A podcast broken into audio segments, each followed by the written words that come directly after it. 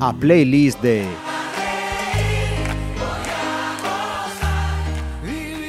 Saludos, entramos en el tiempo de nuestra playlist. Hoy nos acompaña una mujer, una mujer además que tiene el, el mérito, entre otros, iremos conociéndolos, de haber eh, roto eso que se llama eh, el techo de cristal, o algunos techos de cristal en el ámbito de la administración y de la política. Bienvenida, María Ramallo, alcaldesa de Marín. Hola, muchas gracias. Bien, muchas gracias a vosotros por invitarme.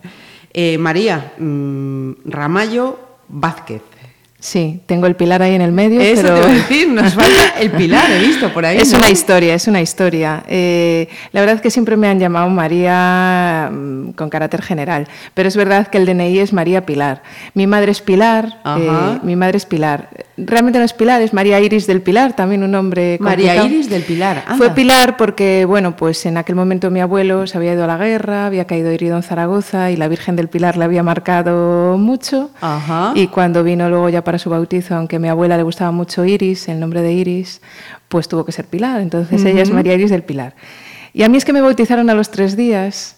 Uh -huh. eh, pues a los tres días porque mis padrinos se tenían que ir y, y mi madre la engañaron, yo creo, le dijeron que estaba perfecta para venir al bautizo, pero cuando llegó el momento, la verdad, el médico le dijo que no podía ir. Entonces allá se marcharon conmigo porque, bueno, estaba todo sí, previsto. Sí.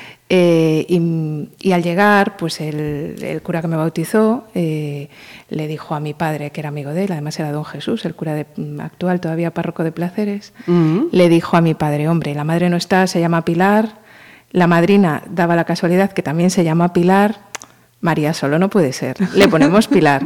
Y eso fue un poco eh, la anécdota, la anécdota que nunca lo he utilizado porque realmente al final Pilar en mi casa es mi madre, uh -huh. pero realmente sí lo llevo. Y, y, muchas veces a lo largo de la carrera y cuando te ves en, las, en los listados de, bueno, pues cuando pasan lista en clase uh -huh. o cuando tienes que ver alguna nota, acaban poniendo M. Pilar. Entonces muchas veces me llamaban Pilar y yo como no estoy acostumbrada, pues no atiendo. porque realmente eh, con carácter general he sido siempre María. Ahora ya donde puedo lo quito, no por nada, sino para evitar confusiones. Ajá. Pero bueno. Eh, María Iris del Pilar, tu madre, ¿y tu padre? Mi madre, mi padre Francisco. Eh, siempre le llamaron Paco y, y Francisco eh, es el nombre de mi marido, da uh -huh. la casualidad, y aparte Francisco José, porque siempre los franciscos tienen su cosa. Su añadido también. Su añadido, y mi padre era Francisco Paco, Francisco José, y, y bueno. Pues, Ajá. Y Mira, madre. y lógicamente eh, naciste en, en Marín, imagino. Yo nací en Marín, Yo siempre digo que que, bueno, salvo una etapa en la que hubo una clínica donde efectivamente pues, eh, funcionaba en Marín, la Ajá. clínica antigua de Gerpe, que, que, mucha gente pues, pudo tener a sus niños en Marín, los de Marín teníamos que nacer en Pontevedra, en uno de los hospitales de Pontevedra. Sí. Y aunque yo nací en Pontevedra, bueno, pues eh, efectivamente, por Era un mero... Como nos pasa ahora, eh, como nos pasa ahora, pero bueno, sí, nací uh -huh. aquí y, y bueno. Uh -huh. Te pregunto, porque esto de hacer la lista, eh, hay muchos de los invitados que dicen, me costó horrores, me costó mucho porque no lo tenía claro, me gustaba esta, tuve que poner una, quitar otra. En tu caso, eh, esos deberes previos que os mandamos, ¿te costaron mucho o fue facilito? Bueno, eh, yo cuando me dijisteis que buscara pues, una lista de 10 canciones, se te vienen a la cabeza un montón, ¿no? Uh -huh. Pero también tratas un poco de escoger no pues canciones actuales o canciones de, eh, yo soy y esto sin que sirva de anécdota, pero bueno, es una cosa curiosa. Yo como no tengo mucho tiempo de escuchar música ni de tener las cosas ordenadas, porque sabes que ahora pues eh, la gente graba o a través del iPhone o para la uh -huh. o con un pincho para el coche o lo que sea, como no tengo tiempo de hacer ese trabajo previo, sí. pues eh, todos los eh, reyes de cada año me pide un disco de esos horribles que a todo el mundo le horroriza, recopilatorios de lo actual, sí, sí. recopilatorios de estos que salen cada temporada y demás, sí. que luego lo llevo siempre en el coche. Uh -huh. Y he llegado a la conclusión de que al final le gusta a todo el mundo. Entonces yo los tengo en el coche que me sirven a mí para no hacer esa labor previa. Hombre, es verdad que de, aparte suelen ser tres, cuatro CDs que te venden ahí en, el, en, el, en el, pack, pack. ¿no? Uh -huh. Y es verdad que no siempre aprovechas ni de todos los CDs todo, uh -huh. pero es verdad que muchas veces son un poco, eh, bueno, el pues el recopilatorio. Que... Pero cuando tú me dijiste lo de las 10 canciones, no se trata de eso, que es un poco lo que yo a lo mejor escucho habitualmente y en el coche he cambiado a tiempo las canciones infantiles para que los niños se me acostumbren a lo otro. Y entonces eh, trataba de buscar, bueno, pues algunas canciones un poco más de pozo o de reposo y demás. Entonces, bueno, me han salido, me han salido fáciles, he pedido ayuda a mi marido, es verdad, porque de esto, ¿te acuerdas de tal? ¿Te acuerdas en un vídeo que utilizamos esta canción? O sea, bueno, pues esas cosas. De eso se y es verdad que, que, bueno, yo creo que era un poco lo que pretendíais, ¿no? Que os dijéramos en esto. Que me han quedado muchas atrás, sí. O sea, a mí me encanta Miguel Bosé, no he puesto ninguna de él, en ese sentido. Pero bueno, no sé, porque a lo mejor también me costaba elegir una, ¿no? Cuando te gusta un, bueno, pues un cantante y te gusta mucho de su repertorio, pero yo trataba un poco de escoger de diferentes y ver un poco, bueno, pues canciones antiguas, canciones que a lo mejor, bueno, pues eh, hace tiempo que no... Que no escuchaba. Que no escuchaba. Yo recordaba ir a un concierto de Bruce Springsteen en el Vicente Calderón hace, mm, en el año, bueno, pues 92 o 93, ya no recuerdo cuándo fue, y siempre tienes esos recuerdos. Y yo fui, un poco, fui un poco por ahí. Eso, eso es exactamente la idea. Mira, ¿y con qué vamos a comenzar entonces? Bueno, pues eh, tenía aquí por orden eh, La oreja de Van Gogh con verano y yo, pues por empezar por un grupo español, me parece importante. Pues venga.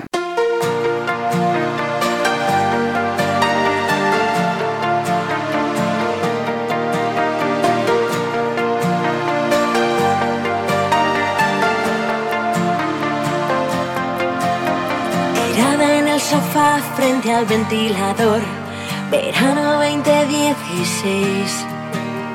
El aire viene y va, pero siempre me trae tu voz. Lancé mi vida al mar cuando todo acabó.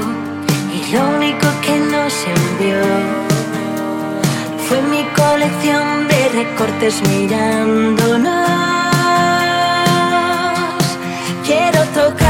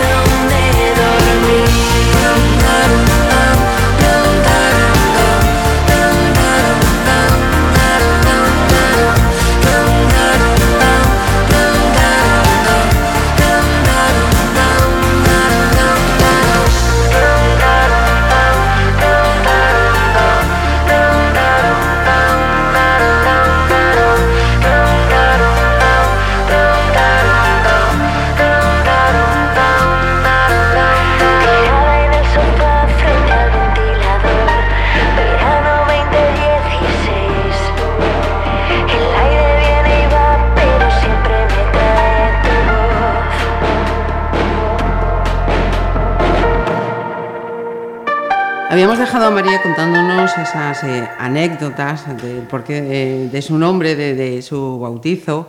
Eh, los franciscos han estado presentes eh, siempre en, en, tu vida, por lo, que, por lo que veo. ¿Y en la familia Ramallo Vázquez había más hermanos, hermanas? O eres sí, yo soy la mayor, somos Ajá. tres, eh, tengo dos hermanos que bueno, pues viven fuera por circunstancias de la vida y personales, pero bueno, suelen venir mm, casi todas las navidades y casi todos los veranos, uh -huh. porque bueno, aunque independientemente de que yo pues he vivido siempre en Marín y mi madre también, salvo como digo siempre el tiempo indispensable de que realizas la carrera uh -huh. y que bueno, pues estuve dos, mm, tres años en Santiago, pues yendo y viniendo y dos años en Madrid, el resto siempre he vivido en, en Marín, en Marín ¿no? Y efectivamente, aunque la mayoría de la familia la tenemos siempre fuera, en Marín, como digo, eh, abrimos el hostal a la altura del Carmen y lo cerramos pues a la altura de San Miguel.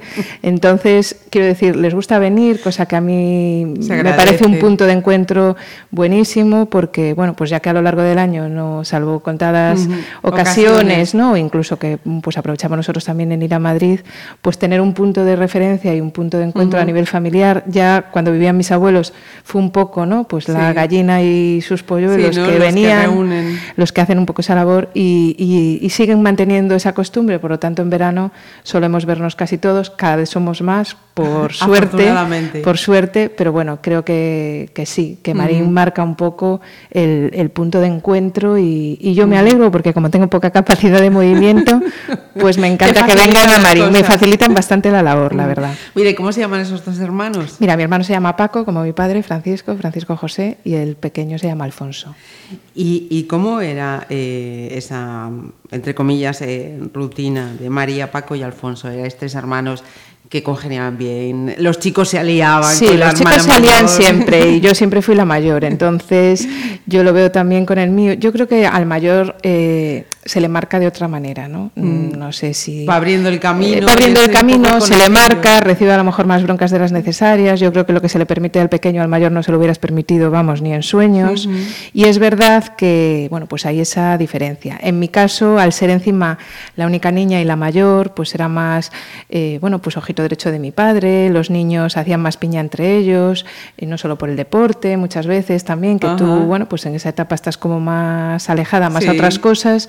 Pero sí es verdad que siempre mantenemos una muy buena relación. Uno uh -huh. vive en Londres, otro en Tenerife, los tengo -huh. en las islas, pero bueno, que, que la verdad que, que muy bien. Uh -huh. eh, luego tuvimos el punto de que nos quedamos sin padre pues bastante pequeños, eh, con carácter general. ¿no? Mi hermano pequeño tenía 17 años, ¿no? Muy, muy estaba entonces bueno, pues quizás eso, también nos marcó. Sí. ¿no? Yo tenía 22 años y bueno, pues la verdad es que, que te marca en ese sentido, porque todavía estábamos los tres viviendo en casa, yo acababa de terminar la carrera, pero bueno, eh, tiene su parte buena en el sentido de que le hicimos mucha compañía a mi madre, ¿no? Porque uh -huh. al estar en casa eh, la rutina un poco familiar continúa, no es como claro. que te quedas sola, ¿no?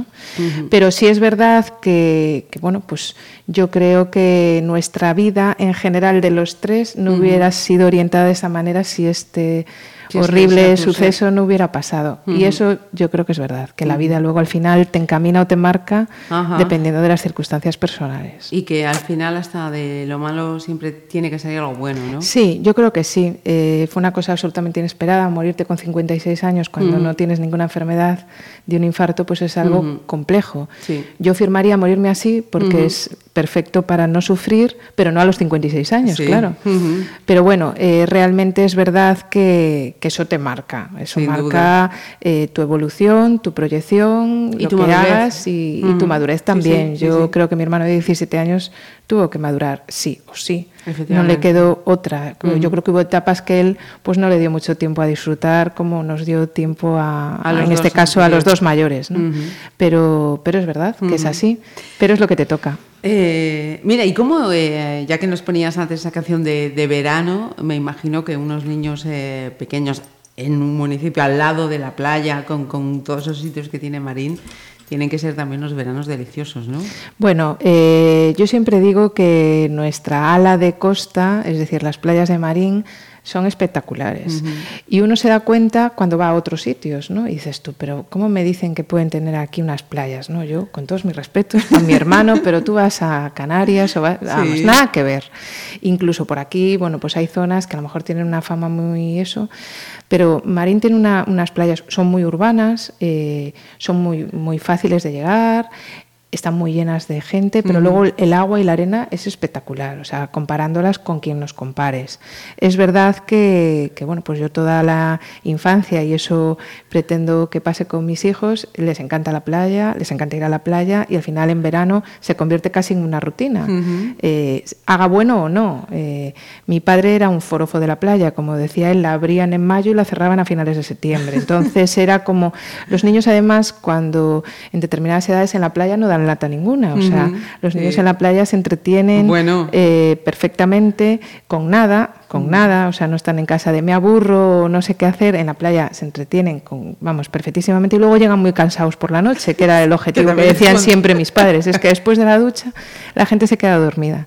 Entonces, bueno, creo que que mis hijos la disfrutan, a mí me encanta que les guste ir a la playa y creo que al final eh, mi, mi falta de capacidad de poder moverme, ¿no? entre comillas, a lo largo del verano o hacer otros planteamientos ¿no? familiares, pues se usarán perfectamente por tener cerca una válvula que creo que es, vamos, envidiable para otros. ¿no? Hacemos otra paradita, María. Perfecto.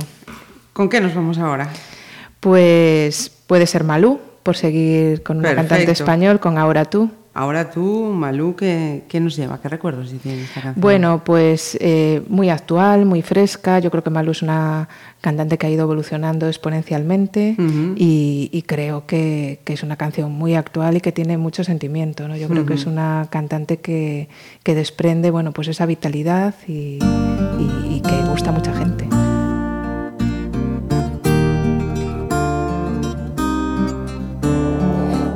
De ti no, yo no creía en Romeos, Julietas, muriendo de amor. Esos dramas no me robaban la calma, pero la historia cambió. Mm, pero esta historia me cambió. Dicen que se sabe si un amor es verdadero cuando duele tanto como dientes en el alma. Dicen que lo nuestro es tan solo pasajero, pero que sabe la gente lo que siento cuando callan. Y ahora tú llegaste a mí, amor, y sin más cuentos apuntas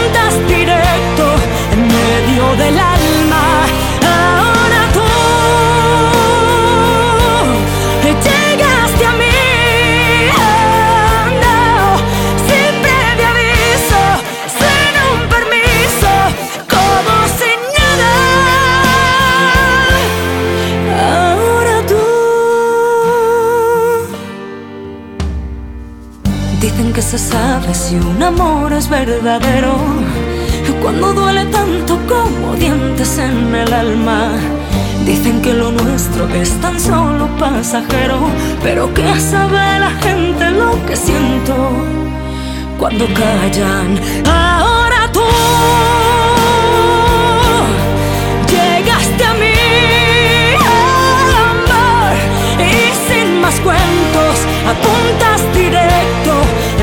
Del alma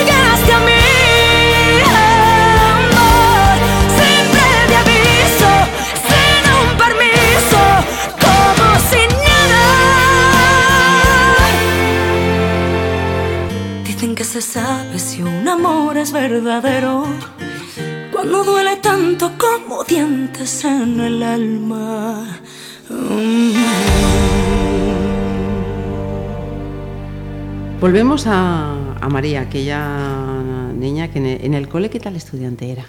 Bueno, yo era buena, realmente. Pero era buena eh, porque me lo curraba, ¿no? O sea, Ajá. yo siempre. eh, cada hermano es diferente, ¿no? En mi casa éramos tres diferentes. Y, y yo era de los que le ponía codos y horas, ¿no? Y realmente eh, tengo que decir que no me ha ido mal. Y, y me gustaba, además, era competitiva en el sentido de que me gustaba subir nota, me gustaba. mm, Superarte. Me gustaba, me gustaba superarme. Y fui como mal acostumbrada hacia la carrera, porque luego era como que, bueno, apruebas, pero Ujú. esto no... Y, y- y sufrí, yo creo que los primeros años de carrera sufrí porque me encontraba que estudiaba muchísimo y la cosa no se veía reflejada como antes, ¿no? Ujú. Entonces tuve ese shock, ese impacto, pero bueno, tengo que decir que Ujú. luego, bueno, pues tampoco tuve eh, di- Mayores dificultad dificultades, ajá. y bueno, pues hice la carrera bien y eso. Porque, eh, ¿cuál fue el cole en el que estudiaste? Yo estudié en el Colegio de la Inmaculada, en el Colegio de las Ajá. Monjas en Marín. Era el que más cerca me quedaba. En aquel momento era de niñas, única y exclusivamente. De hecho, bueno, pues mis hermanos habían hecho como preescolar, el, el mayor, pero luego ya se tuvo que cambiar a un colegio, eh, Mm. que también es el Colegio del Sequelo, que estaba al lado de mi casa. Y, y yo me quedé en el de las monjas, por Ajá. aquella tradición un poco familiar. Mis madres, mis tíos habían estudiado allí. Y es verdad que, que esto fue cambiante, es decir, antes el colegio de monjas era mixto, antiguamente, Sí. hablo de la época de mi madre, luego pasó a ser solo de niñas Ajá. y luego hoy en día eh, es Vuelve también mixto otra vez. Entonces, bueno, yo tengo buen recuerdo eh, del colegio, de, de las amistades que siempre haces y que tratas de seguir conservando, por lo menos aquellas que sabes que al final eh, conectas muy bien con la gente y, y las he mantenido amistades desde el colegio en la carrera y después de la carrera, o Sí, sea sí. Que, que realmente mm, muy contenta. Mm. ¿Y en el instituto? También en, en Madrid. en el instituto en Marín, sí. En el que hoy se llama Illa de Tambo. Ajá. En el instituto que está allí al ladito de, de- de la iglesia nueva. Y muy buen recuerdo también. En aquel momento era BUP y COU. Sí. Estábamos cuatro años en el instituto y tengo que decir que tampoco, bueno, que me fue razonablemente bien eh, con ese ataque que te da cuando eh, la nota y que te dé la nota y la selectividad Sí, y ¿eh? eso, que siempre es, es- esa etapa que, que- que lo pasas fatal.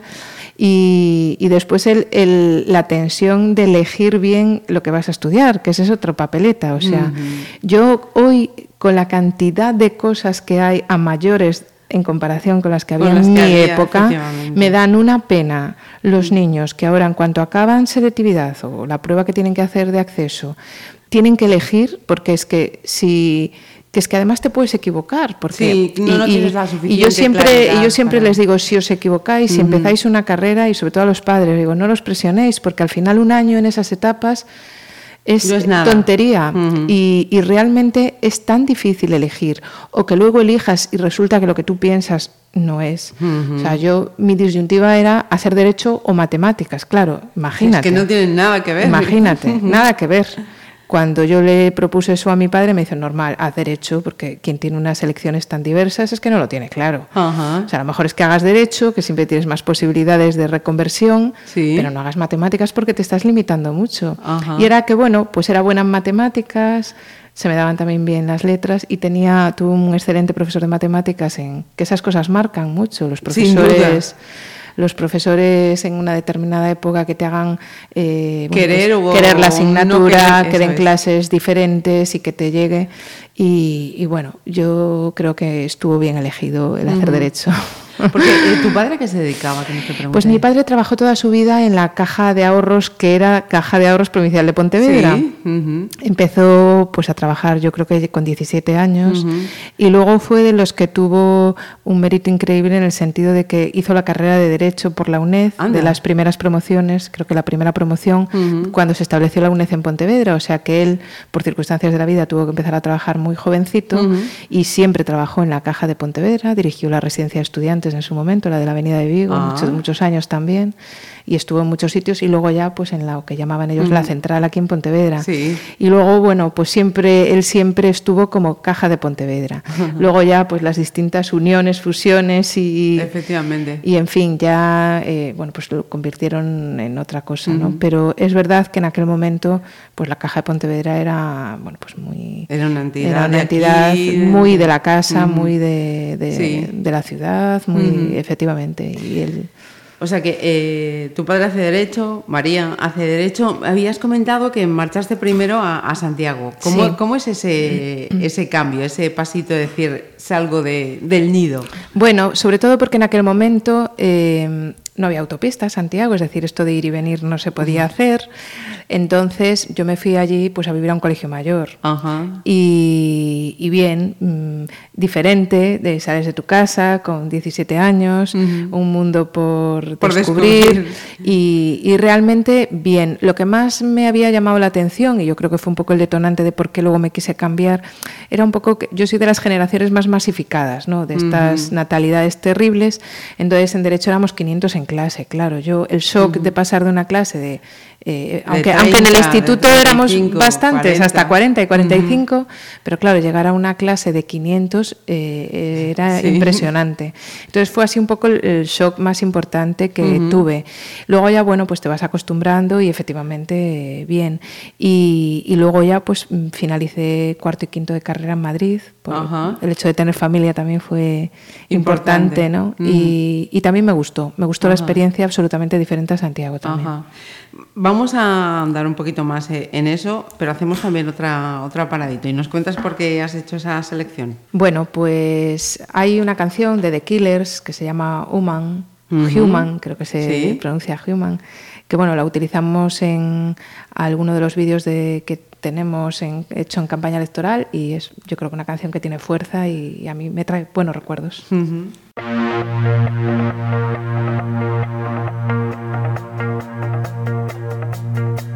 I did my best to notice when the call came down the line. Up to the platform of surrender. I was brought, but I was kind. And sometimes I get nervous when I see an open door. Close your eyes, clear your heart. Cut the cord. Are we human? Or are we dancer? My sign is vital. My hands are cold. And I'm on my knees looking for the answer. Are we human? Or are we dancer?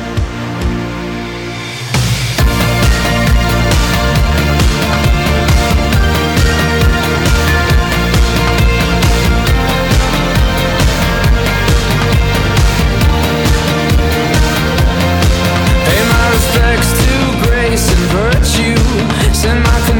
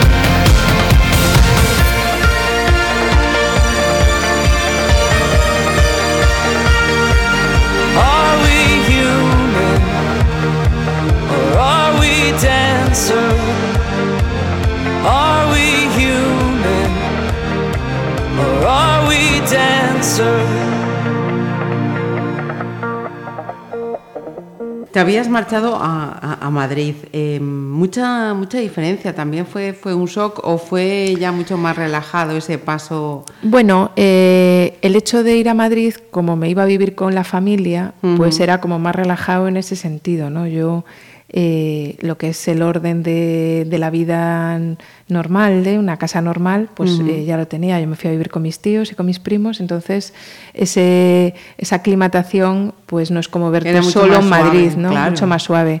Pero, pero también me gustó. O sea, Madrid yo creo que es una excelente ciudad. Yo estuve encantada los dos años. No sé si me gustaría llegar a vivir, pero no me importaría vivir, ¿no? Pero en Madrid yo siempre digo que hay dos cosas fundamentales eh, para tu calidad de vida, que es dónde trabajes y dónde vivas. O sea, eso te cambia eh, la perspectiva de... Totalmente. De, bueno, de, de poder vivir con cierta Mm, calidad, calidad. en una ciudad como Madrid. Sí, sí. Hoy en día es verdad que la generación de mis tíos, ¿no? como digo yo, la primera generación ha conseguido más o menos, ya la segunda es más complejo por el tema de la vivienda y por el tema de, de dónde te quede el trabajo y los desplazamientos y el tiempo que pierdas y yo entiendo que eso a veces es desesperante. ¿no? Sí, sí. Pero, pero bueno, yo creo que es una ciudad completísima y es una ciudad bonita para vivir. Mira, se me pasaba. Yo he leído por ahí que mm, para este momento en el que estamos ya universitario, tú ya habías conocido, ya habías echado el ojillo al, al hombre de tu vida, ¿no?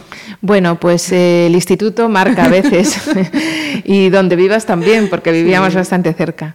Entonces, sí, yo ya conocía a Fran desde el instituto. Es verdad que luego, eh, bueno, pues al hacer la carrera te distancias un poco, aunque te sigues viendo en determinadas circunstancias. Él empezó a hacer químicas, primero en Vigo y luego se marchó a Granada, con lo cual también era complicado. Anda, menudo salto Era también. complicado, él quería hacer bioquímica y entonces se fue a la Universidad de Granada. Y claro, yo siempre eh, era bastante escéptica, decía yo, a lo mejor algún día no viene, no, no vuelve o yo no sabes, ¿no?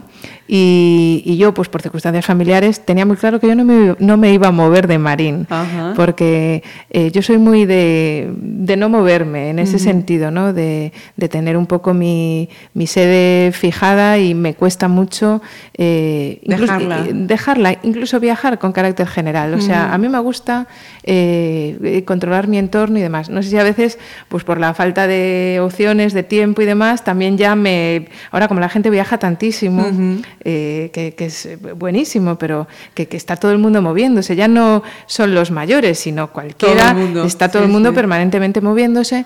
Pues yo digo, no sé si será un poco excesivo, ¿sabes? O sea, los movimientos de todo el mundo, también con, con envidia sana de que mis Ajá. movimientos están más limitados, ¿no? Pero es verdad que, bueno, luego al final, pues Fran terminó la carrera, hizo su tesis y se vino, eh, vino y ya, pues listo. Ya Quedó ahí. ya se ya no quedó, se va. ya se quedó, ya se quedó. Mira, y lo de entrar en política, ¿cómo, cómo fue? Porque por lo que nos acabas de contar, ni tu madre ni tu nada. padre tenían vinculación con la política. ¿Cómo Nada, fue eso? para nada. Pues fue absolutamente casual, como suelen Pasar ser muchas estas cosas, cosas. ¿no? Eh, bueno, pues eh, como te había dicho, yo había acabado la carrera, me había puesto a preparar oposiciones, había suspendido, o sea, me había presentado la primera vez y había suspendido, seguí, seguía preparando oposiciones y demás, y en ese impasse, ya mi padre se había fallecido, en aquel momento en el Partido Popular en Marín había habido una especie de revolución en el sentido de quien iba a ser candidato al final pues no iba a ser y demás. Y de repente, pues in extremis, eh, tres meses antes de las elecciones, pues deciden que sea candidato, en este caso del Partido Popular, Augusto Casal, que era eh, en aquel momento pues el presidente del casino de Marín. ¿no?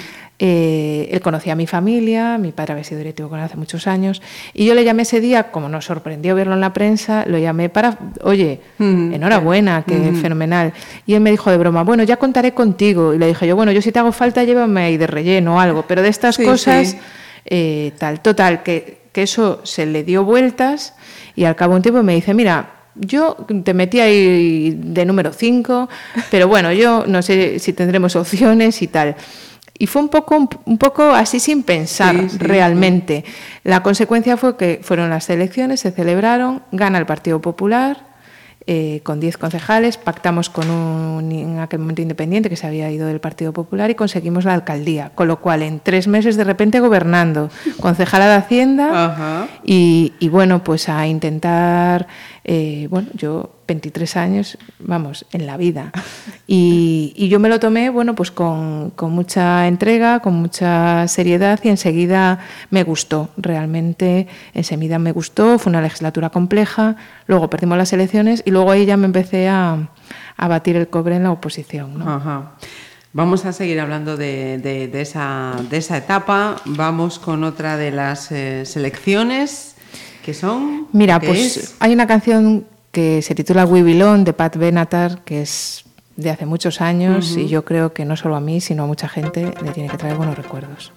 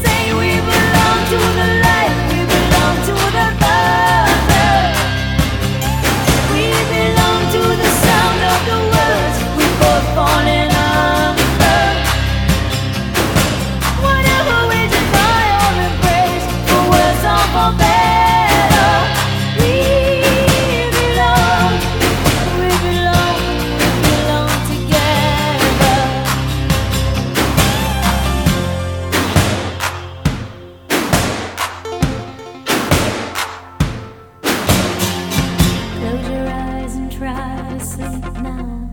Close your eyes and try to dream. Clear your mind and do your best to try and watch the valley gleam. We can't begin to know it, how much we really care.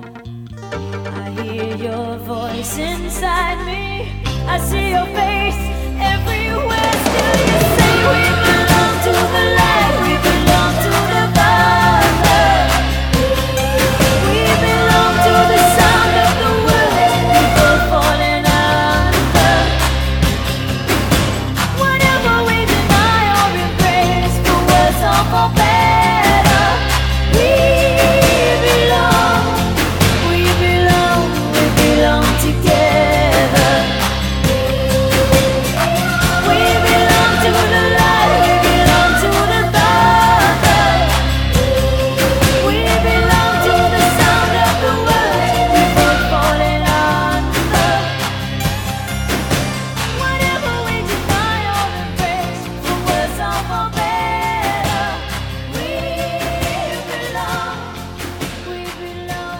Que, estaba pensando yo eh, cuando decías concejal de a- Hacienda, ¿no?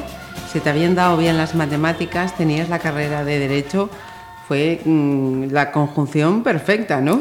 Pues yo eh, nunca me lo hubiera creído, pero eh, la verdad es que me gustó, me gustó conocer el ayuntamiento por dentro, cómo se gestionaba el dinero público, muchas cosas que había estudiado y, y yo en aquel momento aún, aún seguía preparando oposiciones a la vez que, que, bueno, que ejercía un poco de papel de concejal de, de concejal. concejal de Hacienda porque no teníamos dedicación, con lo cual eh, bueno, podíamos compa- compaginar ¿no? con, tu, con tu actividad.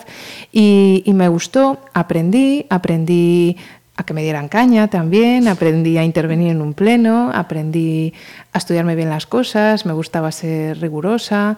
Eh, al principio me costó porque un poco lo que me achacaban siempre es que eres muy educada, es que no te no tienes malicia, ser eh, no tienes malicia, eh, en fin, yo eh, bueno, nunca supuse, digo, tanto inversión de mis padres para que ahora me la tiren por el suelo. nunca pensé, yo creo que cada uno es fiel a su estilo, o sea, Sin duda. eh, bueno, no te digo que es verdad que todos en un momento de tensión pues podemos tener nuestro punto, ¿no? Pero es verdad que a mí me gusta más tratar de convencer con argumentos, prepararme los temas, en fin, hay debates eh, políticos hoy en día complejos, pero bueno, yo creo que, eh, que es bueno, ¿no? Eh, De hecho, cada vez pienso que se echan más en falta ese tipo de, de debates, ¿no? Con argumentos. yo creo que con argumentos, incluso aunque te equivoques, yo siempre digo, yo en aquel momento pues pude defender una cosa, ¿no? Pero estaba plenamente convencida. Sí. Y hoy puedo reconocer, oye, pues yo creo que estaba equivocada. Por ejemplo, porque es, eh, yo creo que pasa en, en la mayoría de las facetas de la vida, ¿no? Pues a lo mejor eh, con la evolución o puesta en práctica algunas cosas dices tú, pues mira, realmente en esto mm, no estuve acertada o, Ajá. o- o me equivoqué o eso, pero que no pasaría nada tampoco por decirlo, ¿no? Mira, eh, de concejal de Facenda, eh, luego creo que hay una etapa en la que dejas el concello, ¿no? Sí. Pasas a, a otras Sí. administraciones. Pues eh, también casualidades un poco, porque bueno, yo eh, es verdad que las cosas han ido pasando a veces por, por casualidad. Eh, bueno, pues yo vuelvo a haber elecciones, Augusto Casal se pierden las elecciones, pasamos a, a la oposición y bueno, pues estamos algún tiempo ahí en la oposición. Yo después participo en unas listas para las elecciones autonómicas, voy de número 12 pensando que no se iba a salir. Resulta que salen 12 diputados y en consecuencia, bueno, pues entro a formar del Parlamento de Galicia. Yo en aquel momento trabajaba ya en la Junta de Galicia porque me había seguido presentando oposiciones y me había presentado oposiciones de técnico del Grupo A que aunque no había aprobado, o sea, no, no tenía plaza, había aprobado todos los exámenes, por lo tanto figuraba en esas listas que hay de interinos y me habían llamado y llevaba, bueno, pues eh, trabajando en la Consejería de Economía eh, un par de años. Entonces, cuando surge lo de, lo de bueno, pues eh, acceder al Parlamento de Galicia, renuncio a mi plaza y me incorporo como diputada autonómica, este, siendo Fraga presidente en la última legislatura De Fraga. de Fraga. y, y también un, un excelente escenario para aprender muchas cosas realmente. Yo, yo trato de disfrutar en los sitios donde estoy porque es que es un, entre comillas, privilegio de- el poder acceder a determinados sitios, ¿no? Y, y bueno, que, por supuesto, dando el paso y, y queriendo, pero es verdad que es eh, un- una oportunidad eh, profesional y personal que, que creo que es eh, inmejorable. ¿no? aprovechar. Ujú. Y después de ahí, pues en eh, se produce un bueno, pues un que se va el presidente del puerto de Marín, en aquel momento Tomás Iribarren, que se va a otro puesto en Madrid, hay una especie de de, De impasse, ¿no? de impasse, y entonces, bueno, pues me propone ser presidenta del puerto de Marín. En aquel momento quedaban solo dos años de legislatura, pero bueno, era una, era una aventura importante, ¿no? Una aventura importante con uno de esos techos de cristal a los que yo me refería al principio. La Sí. primera mujer Sí. que es presidenta de, de esta entidad.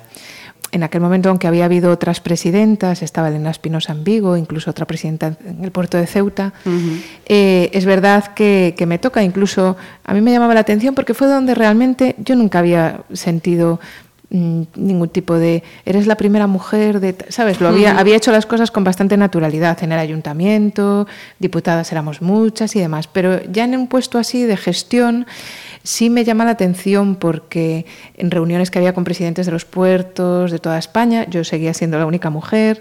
Muchas veces cuando ibas a reuniones con empresas o empresarios, yo como fuera con el director del puerto solía ser la mujer del director del puerto, y, pero quiero decir que, bueno, al final poco a poco se va como normalizando. como normalizando la situación y yo pienso que hoy en día está absolutamente normalizada. Yo siempre era de las que trataba de decir, bueno, que se me valore por la gestión, está bien que las mujeres tratemos de llegar ¿no? a puestos de, responsabilidad, y era un puesto de gestión importante.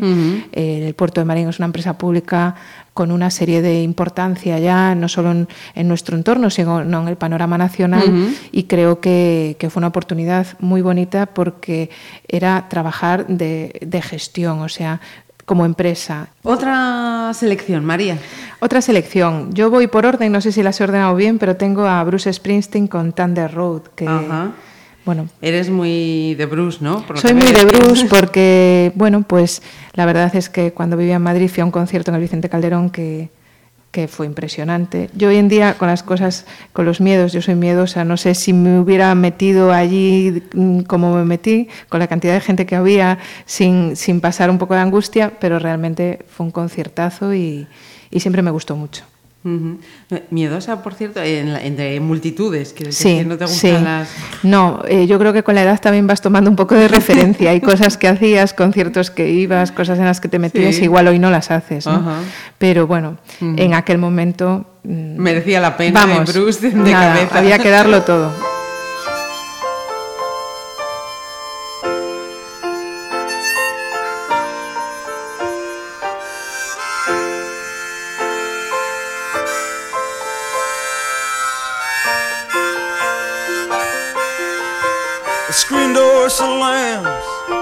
Mary's dress wheat like a vision, she dances across the porch as the radio plays. Roy Orbison singing for the lonely. Hey, that's me, and I want you only. Don't turn me home again, I just can't face myself alone again. Don't run back inside, darling, just what I'm here for. So you're scared and you're thinking that maybe we ain't that young anymore. Show a little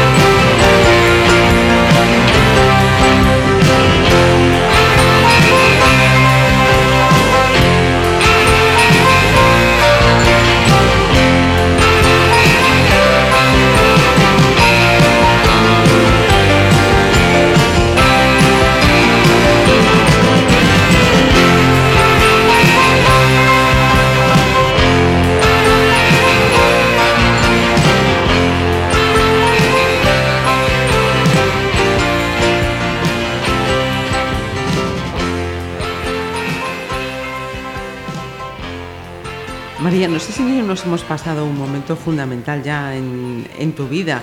Eh, ya eras una mujer casada.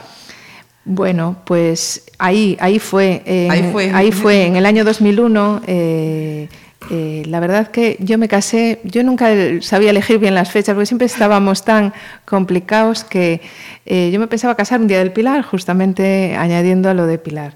Y de repente Fraga adelanta las elecciones y dice que, que van a ser la tercera semana de octubre. Y digo, pues yo no me puedo casar el fin de semana anterior porque, claro, hay mucho que hacer, como vas a desaparecer del mapa, no puede ser. Y más yendo en una lista, entonces, bueno, pues lo pospusimos, lo pospusimos para el 15 de diciembre, sin saber, era un sábado, en diciembre la gente me dice, ¿te casas en invierno? Y digo, sí, sí, sí, sí, perfecto. A mí me encantaban los trajes de novia de manga larga. Y, me casé un 15 de, diciembre, que justo fue el día de la toma de posesión de nuevo de Fraga, cuando el tema en el, en el Obradoiro, los gaiteiros y demás, que bueno, no pude asistir, estaba excusada, pero digo, es que tengo puntería. Y me casé ese 15 de diciembre del año 2001 y hizo un día espléndido. Un poco de frío, pero un día espléndido. Mira, y, Fran también había compartido corporación contigo anteriormente, lo suyo era el deporte. Sí, sí, sí. Pues él eh, él estaba, como decía, estudiando en Granada, él siempre fue deportista eh, de piragüismo, eh, campeón de España, en fin, había hecho sus pinitos en, el deporte de, alto nivel, ¿no? Y él siguió practicando a lo largo de la carrera, siguió muy involucrado en el deporte. Y cuando ya optó por venirse a Marín y, bueno, pues estaba confeccionando la lista electoral para las elecciones municipales, pues una de las personas, que no fui yo, quien la encabezaba en aquel momento, Augusto Casal, eh, le propuso, oye, pues una persona ideal para llevar temas de deporte, le gusta, sabe y eso. Le digo, pero hombre, no me hagas eso. Y, dijo, no, hombre, pero sí, perfectamente, si, si le gusta y él además, bueno, pues estaba entrenando a varios clubes, o sea, estaba todavía en esos inicios profesionales antes de, ahora ya con su trabajo sería inviable, pero en aquel momento, bueno, pues no tenías tiempo para dedicarle. Y la verdad que, que bueno, fue una experiencia. Luego él también le surgió la opción de dedicarse realmente al deporte en la provincia, que era lo que realmente le, gustaba, y, y Pilar Rojo en aquel momento como consellera pues le, propuso llevar el tema de la delegación, había delegados provinciales, llevar el tema en la delegación de Pontevedra era más amplio, no solo era deportes, deporte, juventud, aquella consellería de familia, mujer, deporte y juventud, y, yo creo que él eh, le gustó. Le gustó y yo creo que además lo gestionó razonablemente porque eh, yo creo que la gente del deporte es gente como muy muy, muy ejecutora, o sea, es rápida a la hora de gestión, no pierde mucho tiempo en muchas cosas y es como bastante directa. Yo, la gente que conozco del deporte, para lo bueno y para lo malo es directa y visceral. Entonces, en ese sentido, creo que, creo que, que, bueno, en la parte política viene bien también a veces tener visiones eh, de diferentes áreas, ¿no? y, yo creo que le gustó. Luego ya emprendió otros dos roteros y, jura y perjura que nunca volverá, pero que, que efectivamente es así. Sí, sí. Eh, todavía, eh, después de estar en, la autoridad eh, portuaria, mm, vuelves al, al concello, ¿no? Pues mm. después de... yo estuve dos años de presidenta del puerto de Marín y ya fueron las elecciones en el año 2005, que fueron las elecciones en las que Fraga perdió, en el sentido, yo no me gusta nunca decir perder, realmente ganó, tenía 37 diputados, faltaba uno para la mayoría absoluta y ya eh, fue cuando el bipartito pues hizo el pacto. ¿no? Entonces, en aquel momento yo eh, nos cambiaron a todos, evidentemente, eran, eh, nos cesaron y yo retomé un poco mi actividad profesional en la empresa privada. En aquel momento mi marido había empezado a trabajar en la empresa Pescamar, llevando la parte internacional bueno, de las empresas que tienen en el extranjero, en, en Chile, en Azores y demás. Y, y, bueno, yo conocía mucho a Lupe, a Lupe Murillo, que habíamos juntas en Madrid, nos conocíamos mucho. Y entonces eh, yo me iba a incorporar a un despacho de abogados y demás, me propuso que le echara una mano. Ella acababa también de aterrizar en Pescamar y me decía que probase y que bueno, pues que, le echase una mano desde el punto de vista pues, jurídico, un departamento jurídico, que era un poco lo mío yo. Y, entonces dije, bueno, pues voy a probar. Entonces me incorporé a Pescamar y la verdad que que encantada. O sea, encantada por la experiencia y, y, porque me dio pie para seguir siendo concejala también en el ayuntamiento y, y es la actividad profesional, en fin, que a la que algún día eh, seguro que volveré, porque seguro que volveré. Esto tendrá que tener un, un, un, tiempo, no se puede estar eternamente. Pero antes, antes de hablar de, de, del futuro, de lo que nos gustaría que fuera el, el futuro, ¿cómo es ese momento en el que te dicen eh, María, queremos que seas la, la, candidata a la alcaldía de, de Marín. Bueno, eh, yo siempre digo que soy un poco premio a la resistencia. O sea, yo había intentado ser alcaldesa en tres ocasiones, que es complicado. Y aunque eh, la primera vez no había obtenido un buen resultado, eran unas circunstancias complejas.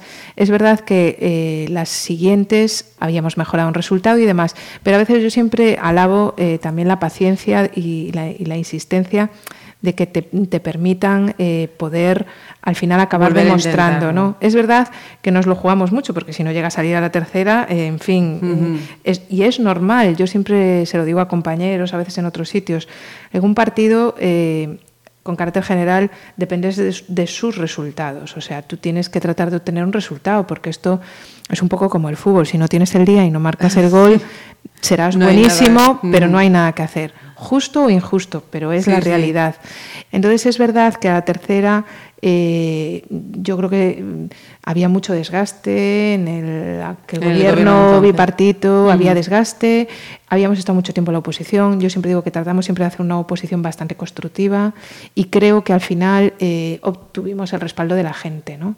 Y aquella primera vez, en el año 2011, cuando obtuvimos la primera mayoría absoluta, la verdad es que fue yo creo que la más saboreada, ¿no? porque uh -huh. había sido un, un, premio al esfuerzo, a la constancia, yo siempre lo digo, de, eh, de, de, la base del, del, partido a nivel local, ¿no? de que creía en una uh -huh. cosa, se involucró, insistió, formamos un equipo, equipo que mantengo prácticamente en la actualidad, porque es un equipo eh, yo compacto, entiendo que bueno, que, compacto, mm. unido, no ha dado jamás ni un mínimo problema. Y, y, es verdad que nos costó llegar, nos costó llegar a la alcaldía. Y, y yo tenía muy claro, eh, claro, al haber estado tanto tiempo en la oposición, cuando llegas es como que ves una radiografía perfecta de lo que quieres hacer. Eh, de verdad que desde la primera semana teníamos claro, Por dónde encaminar, muchos de los que estamos ahora habíamos estado casi todo el tiempo conmigo en la oposición uh -huh. y no nos era ajeno eh, la, la, la, labor municipal. Panorama, Conocíamos sí. al ayuntamiento, uh -huh. sus virtudes, sus defectos, lo que tenías que mejorar, hacia dónde tenías que ir. Y bueno, eh, aunque la administración a veces es complicado cambiar inercias y cambiar cosas, yo creo que en este balance un poco de seis años podemos decir que funcionamos mejor que cuando llegábamos, vamos, uh -huh. sin ninguna duda. ¿no? Esa es la verdad. Eh, Otra paradita musical, María. Perfecto, pues vamos con Antonio Orozco y llegará por algo muy actual. Antonio Orozco yo creo que es un cantante que está gustando cada vez más y, y que tiene canciones realmente muy bonitas. Uh -huh. Con mucho pozo, como decías antes. Con muchos ¿no? sentimientos, sí. sí. sí.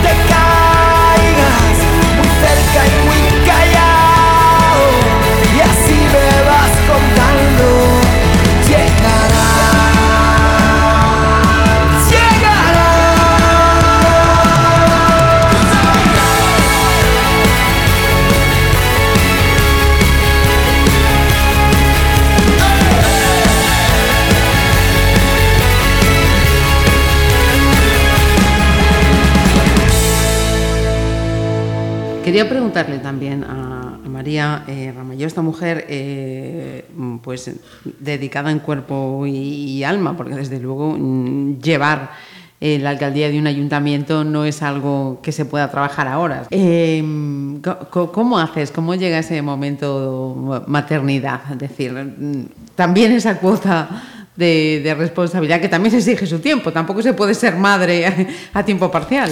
No, yo siempre digo que es verdad que los niños siempre se acostumbran al contexto que tengan en sus casas. ¿no? Yo supongo que el que tiene pues, un horario de una tienda, de un comercio, de un bar, de que trabaja turnos, que es médico, que hace guardias, o sea, cada, cada realidad eh, profesional eh, es el que viaja mucho, el que viaja poco, es diferente, ¿no? Y es verdad que, en nuestro caso eh, nosotros somos full time, es decir, nosotros no tenemos fines de semana, no.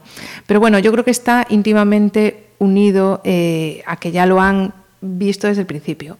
Es verdad que yo tengo mucha ayuda familiar, mi madre la tengo fichada como titular y tengo a mis suegros como suplentes, en el sentido de que están ahí, quiero decir, si no es uno es otro, y eso razonablemente te da cierta tranquilidad. Eh, Fran trabaja muchas horas y es verdad que tratamos un poco de, compaginarnos. ¿no?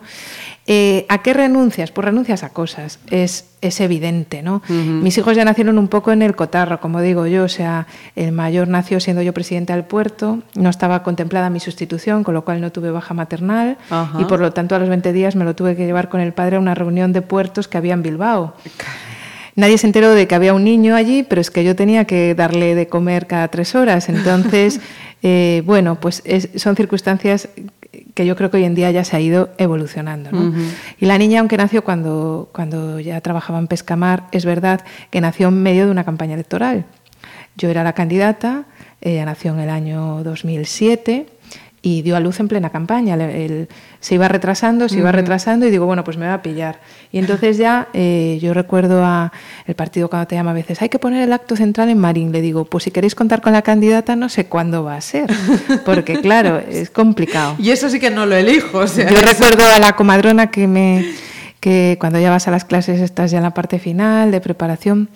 Eh, empezó la época de la campaña y las elecciones municipales son siempre en mayo, ¿no? Ya empieza a hacer bueno, la gente va hacia las playas y tal. Y un día fue hacia las playas y me decía, delante de todas, dijo, había un póster de una chica en marín colgado en una farola, oye, qué súper parecida a ti. Y le dije yo, fíjate, me dicen siempre lo mismo. ¿Cómo me parezco a esa chica? Y diciendo, bueno, cuando le di, o sea, le va a dar un ataque porque me va a decir, tú estás mal de la cabeza. Pero, pero realmente tengo que decir que me acompañó siempre la salud, que al final, pues en estas cosas es importante. Eh, y, nunca tuve ninguna complicación.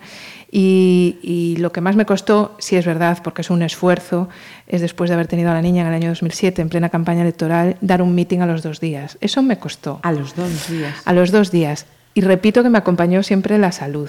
Pero es que la campaña terminaba, es que, es que había que, hacerlo, ¿no? Y, sí me supuso eh, ese esfuerzo personal y esa ayuda familiar, sin duda, porque... Personal y eh, físico, Personal y físico, sí. Yo llevaba una Coca-Cola y un plátano en el bolso por si me daba alguna debilidad, pero realmente, repito, que me acompañaba la salud, porque aunque, bueno, haces esfuerzo, hombre. Sí, sí. Eh, quien ha tenido niños, por muy bien que haya ido todo, a los dos días no estás para dar un salto, ¿no?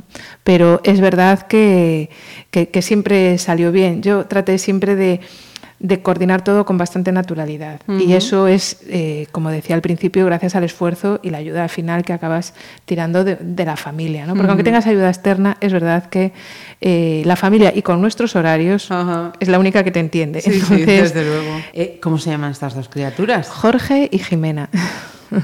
JJ. JJ. Para los bordados de marcar la cosa, JG me viene siempre estupendo cuando se lo pasan de unos a otros, para los chándales y eso.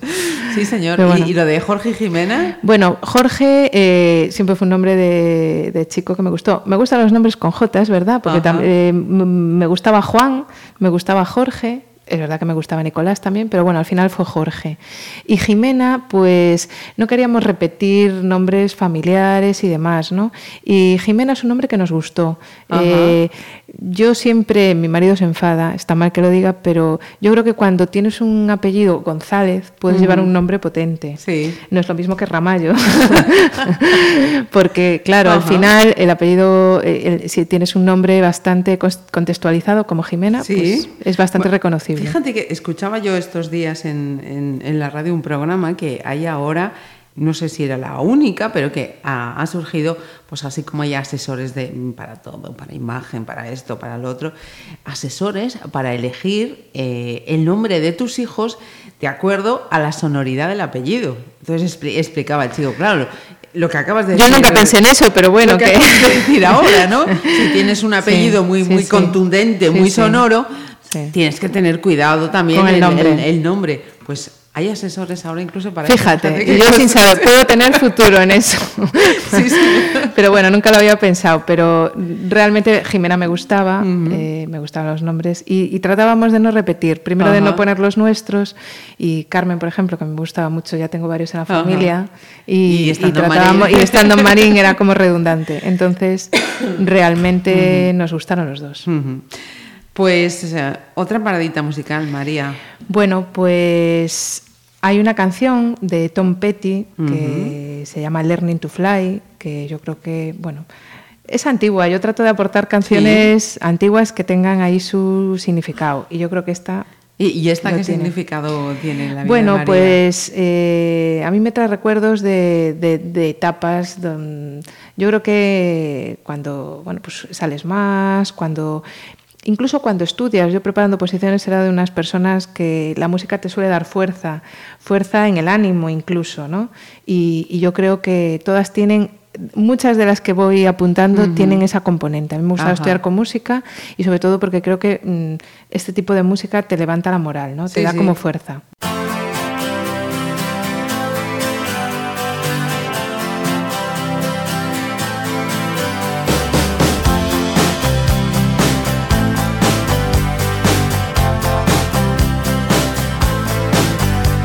Well, I started out down a dirty road. Started out all alone, and the sun went down as I crossed the hill, and the town lit up the world gets still. I'm learning to fly, but I ain't got wings. Coming down is the hardest thing. Well, the good old days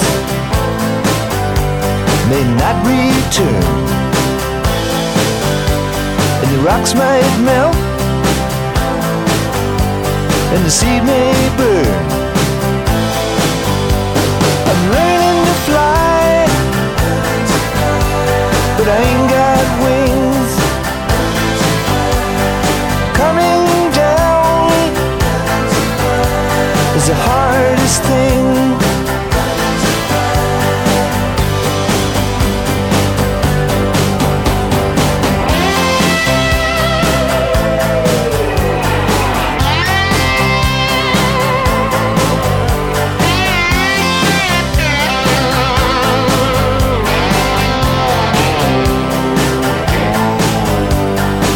Say life will beat you down. Break your heart steal your crown. So it started out for God knows where. I guess I'll know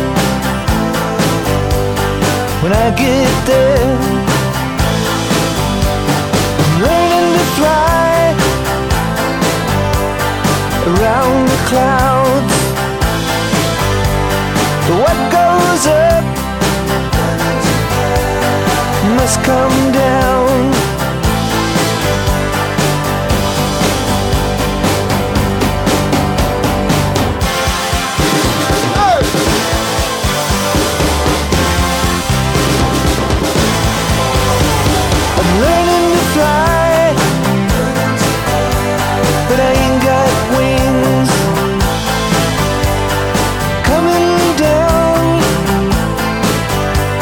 The hardest thing. I'm learning to fly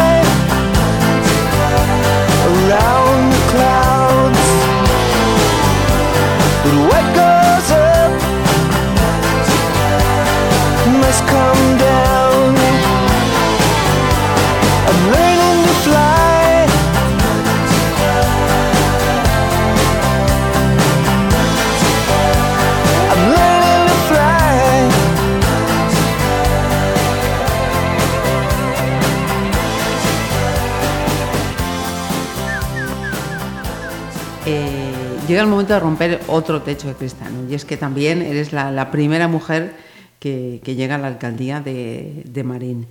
Eh, también mm, fue mm, poquito a poco, paso a paso, mm, haciendo naturales, pues como decías en el caso de la autoridad portuaria, esas situaciones que, hasta el momento no se habían dado. Yo creo que sí, que al haber sido también tantos años concejala, a mí personalmente no me supuso una cosa diferente. ¿no?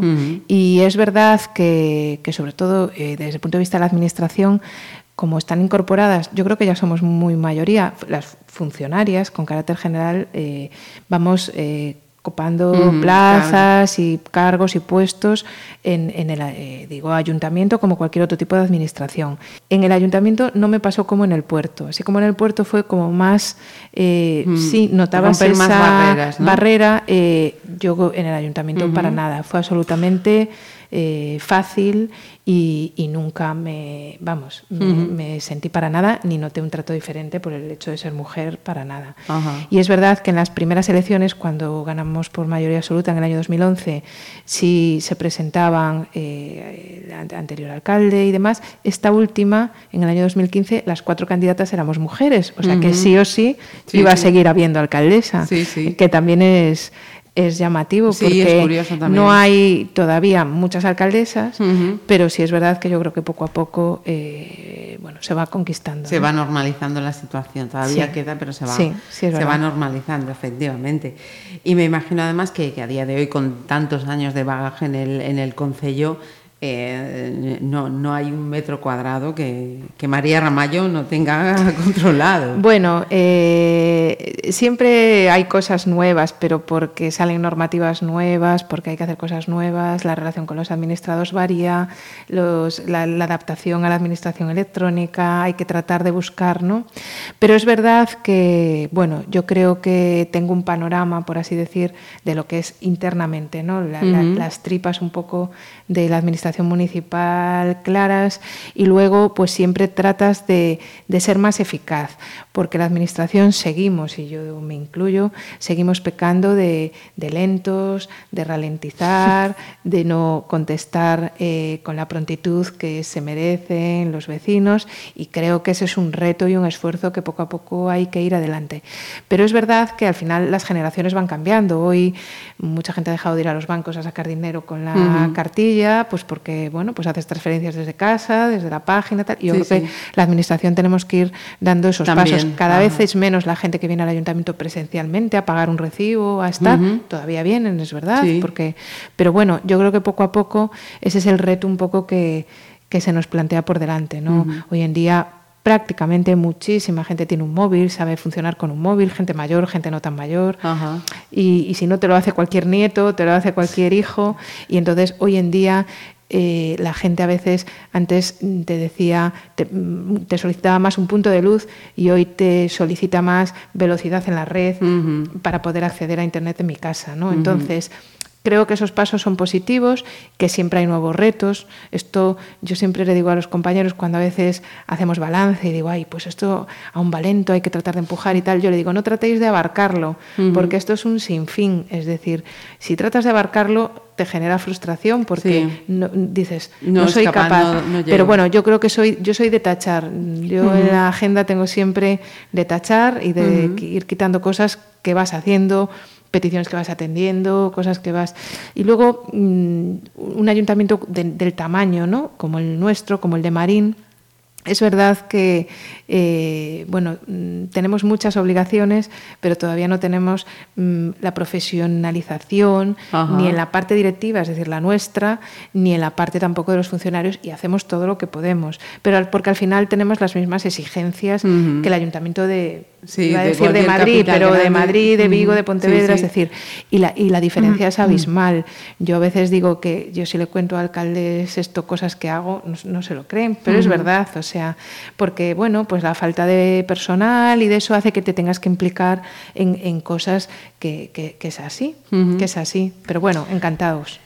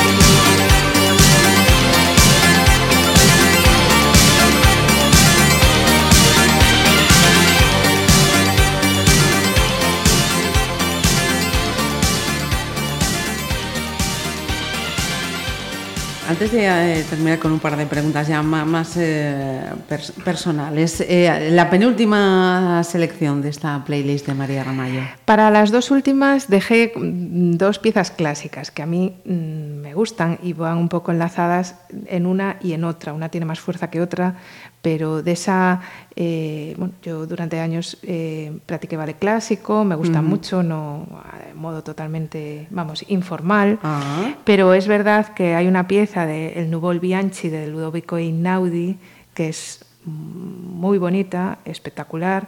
Y la siguiente, que ya la dejo para el final y ya la presento también, que es el Nessun Dorma. Me da igual quién lo interprete. Mi padre era un fanático de la ópera, si lo interpreta Pavarotti estupendo, pero la interpretación que hace Paul Potts también es espectacular y creo que es una canción, en fin, una pieza, una pieza de esas que quise guardar para el final porque no es muy típico en que eh, en tu familia a alguien le guste la ópera. Y es verdad que nos ha dejado eh, a mis hermanos y a mí una colección de, ópera muy bonita y aunque nunca la hemos intensificado como él, Ajá. porque no somos nada fanáticos, es verdad que cuando escuchamos algo también tenemos ese punto de apreciarlo ¿no? Y, y eso es verdad. Pues Esas serían las dos Vamos últimas. entonces con, con Ludovico y luego voy con esas preguntas que me quedaban en el tintero.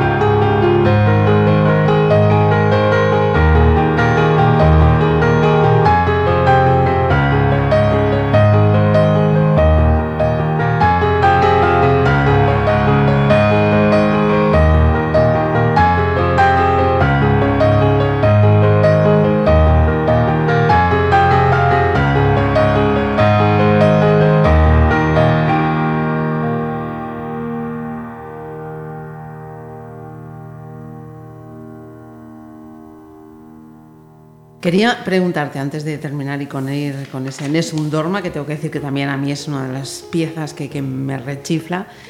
¿Hay alguna renuncia que, que esta vida dedicada a la política, a la administración, eh, te pese? No, que me pese, no. Yo eh, creo que a lo largo de la vida uno eh, el, el tema político siempre es voluntario, ¿no? Yo cuando nos quejamos y eso, yo siempre digo que, que, que es voluntario y que, y que además, eh, bueno, pues cuando te canses lo dejas, ¿no? Eh, renuncias ninguna. Yo trato siempre de complementar. Yo creo que siempre viene bien todo lo que hagas en tu vida para lo que luego quieras seguir haciendo. Y yo creo que profesionalmente, yo en todos los sitios en los que he estado he aprendido muchísimo, ¿no?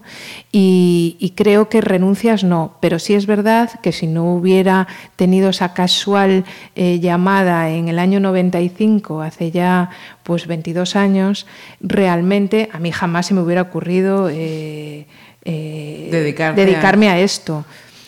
Y por lo tanto, bueno, han sido una serie de casualidades que al final sí marcan tu trayectoria personal y profesional. Como que algo me arrepiente, no, arrepentirme no. Eh, y yo creo que hay que sacar siempre el lado positivo que se saca de todos los pasos que uno tiene por donde por donde pasa.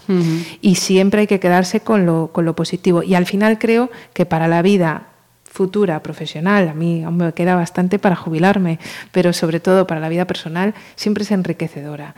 Yo eh, sé que no estamos en nuestro mejor momento, es decir, y nos cuesta muchas veces cuando tú desde el punto de vista quieres hacer un equipo, quieres hacer una lista, quieres proponerle a alguien, la gente no tiene ganas de complicarse la vida tal y como está ahora mismo la exhibición o la exposición del panorama político. Con lo cual yo, yo siempre le digo a, a la gente que me acompaña en el equipo, le estoy eternamente agradecida de la confianza, porque es gente mayoritariamente que proviene de la empresa privada, que da un paso para esto. Y los retornos a veces nunca son eh, sencillos, ¿no? Porque, bueno, pues el panorama laboral es complejo. Sí. Pero es verdad que, que yo siempre le digo que es un máster, o sea, es estar haciendo un máster. Yo los dos años que estuve en el Congreso de los Diputados, yo decía, habría que pagar por venir aquí. O sea, es un lujo el poder muchas veces tener esa mínima ventana de oportunidad de poder asomarte a ver el tema. O sea, lo que siempre ves desde casa, ver las tripas y, y ver un poco la situación. Por lo tanto, como que me pese, no que desde luego si no hubiera sido mi entrada fortu- fortuita en el mundo político eh, hubiera hecho otras cosas, es verdad. Yo creo que es verdad. Pero bueno, eso también va con la forma de ser de cada uno y de lo inquieto o de lo inquieta que seas. Pues a lo mejor hubiera tenido ocasión de haber eh, intensificado a nivel estudios, insistido más, eh, en fin. Eh, pues no lo sé, ¿Quién pero, pero tampoco me preocupa. Es decir, yo estoy contenta en cómo ha sido la evolución y del trabajo que tengo que desempeñar y tampoco me complico mucho porque a veces nos complicamos mucho y al final lo que te marca es tu vida, la salud por encima de todo que estés con la gente que quieres estar y que, y, y que, y que- había una canción de Julio Iglesias que decía me olvide de vivir y que no te Eh, olvides de vivir y que no te olvides de vivir, ¿no? Muy bien. Pues eh, vamos a terminar con Nessun Dorma. Nos ha quedado, como os decía ella, Miguel eh, Bosé. Bosé, pero... Pero bueno, hay un concierto está- en Vigo. Ahí está. no lo sé, pero bueno, es verdad. Pues eh, María, de verdad, muchísimas gracias por haber aceptado esta invitación y ya sabes, cuando quieras, puertas Bueno, abiertas. Pues un millón. Muchas gracias.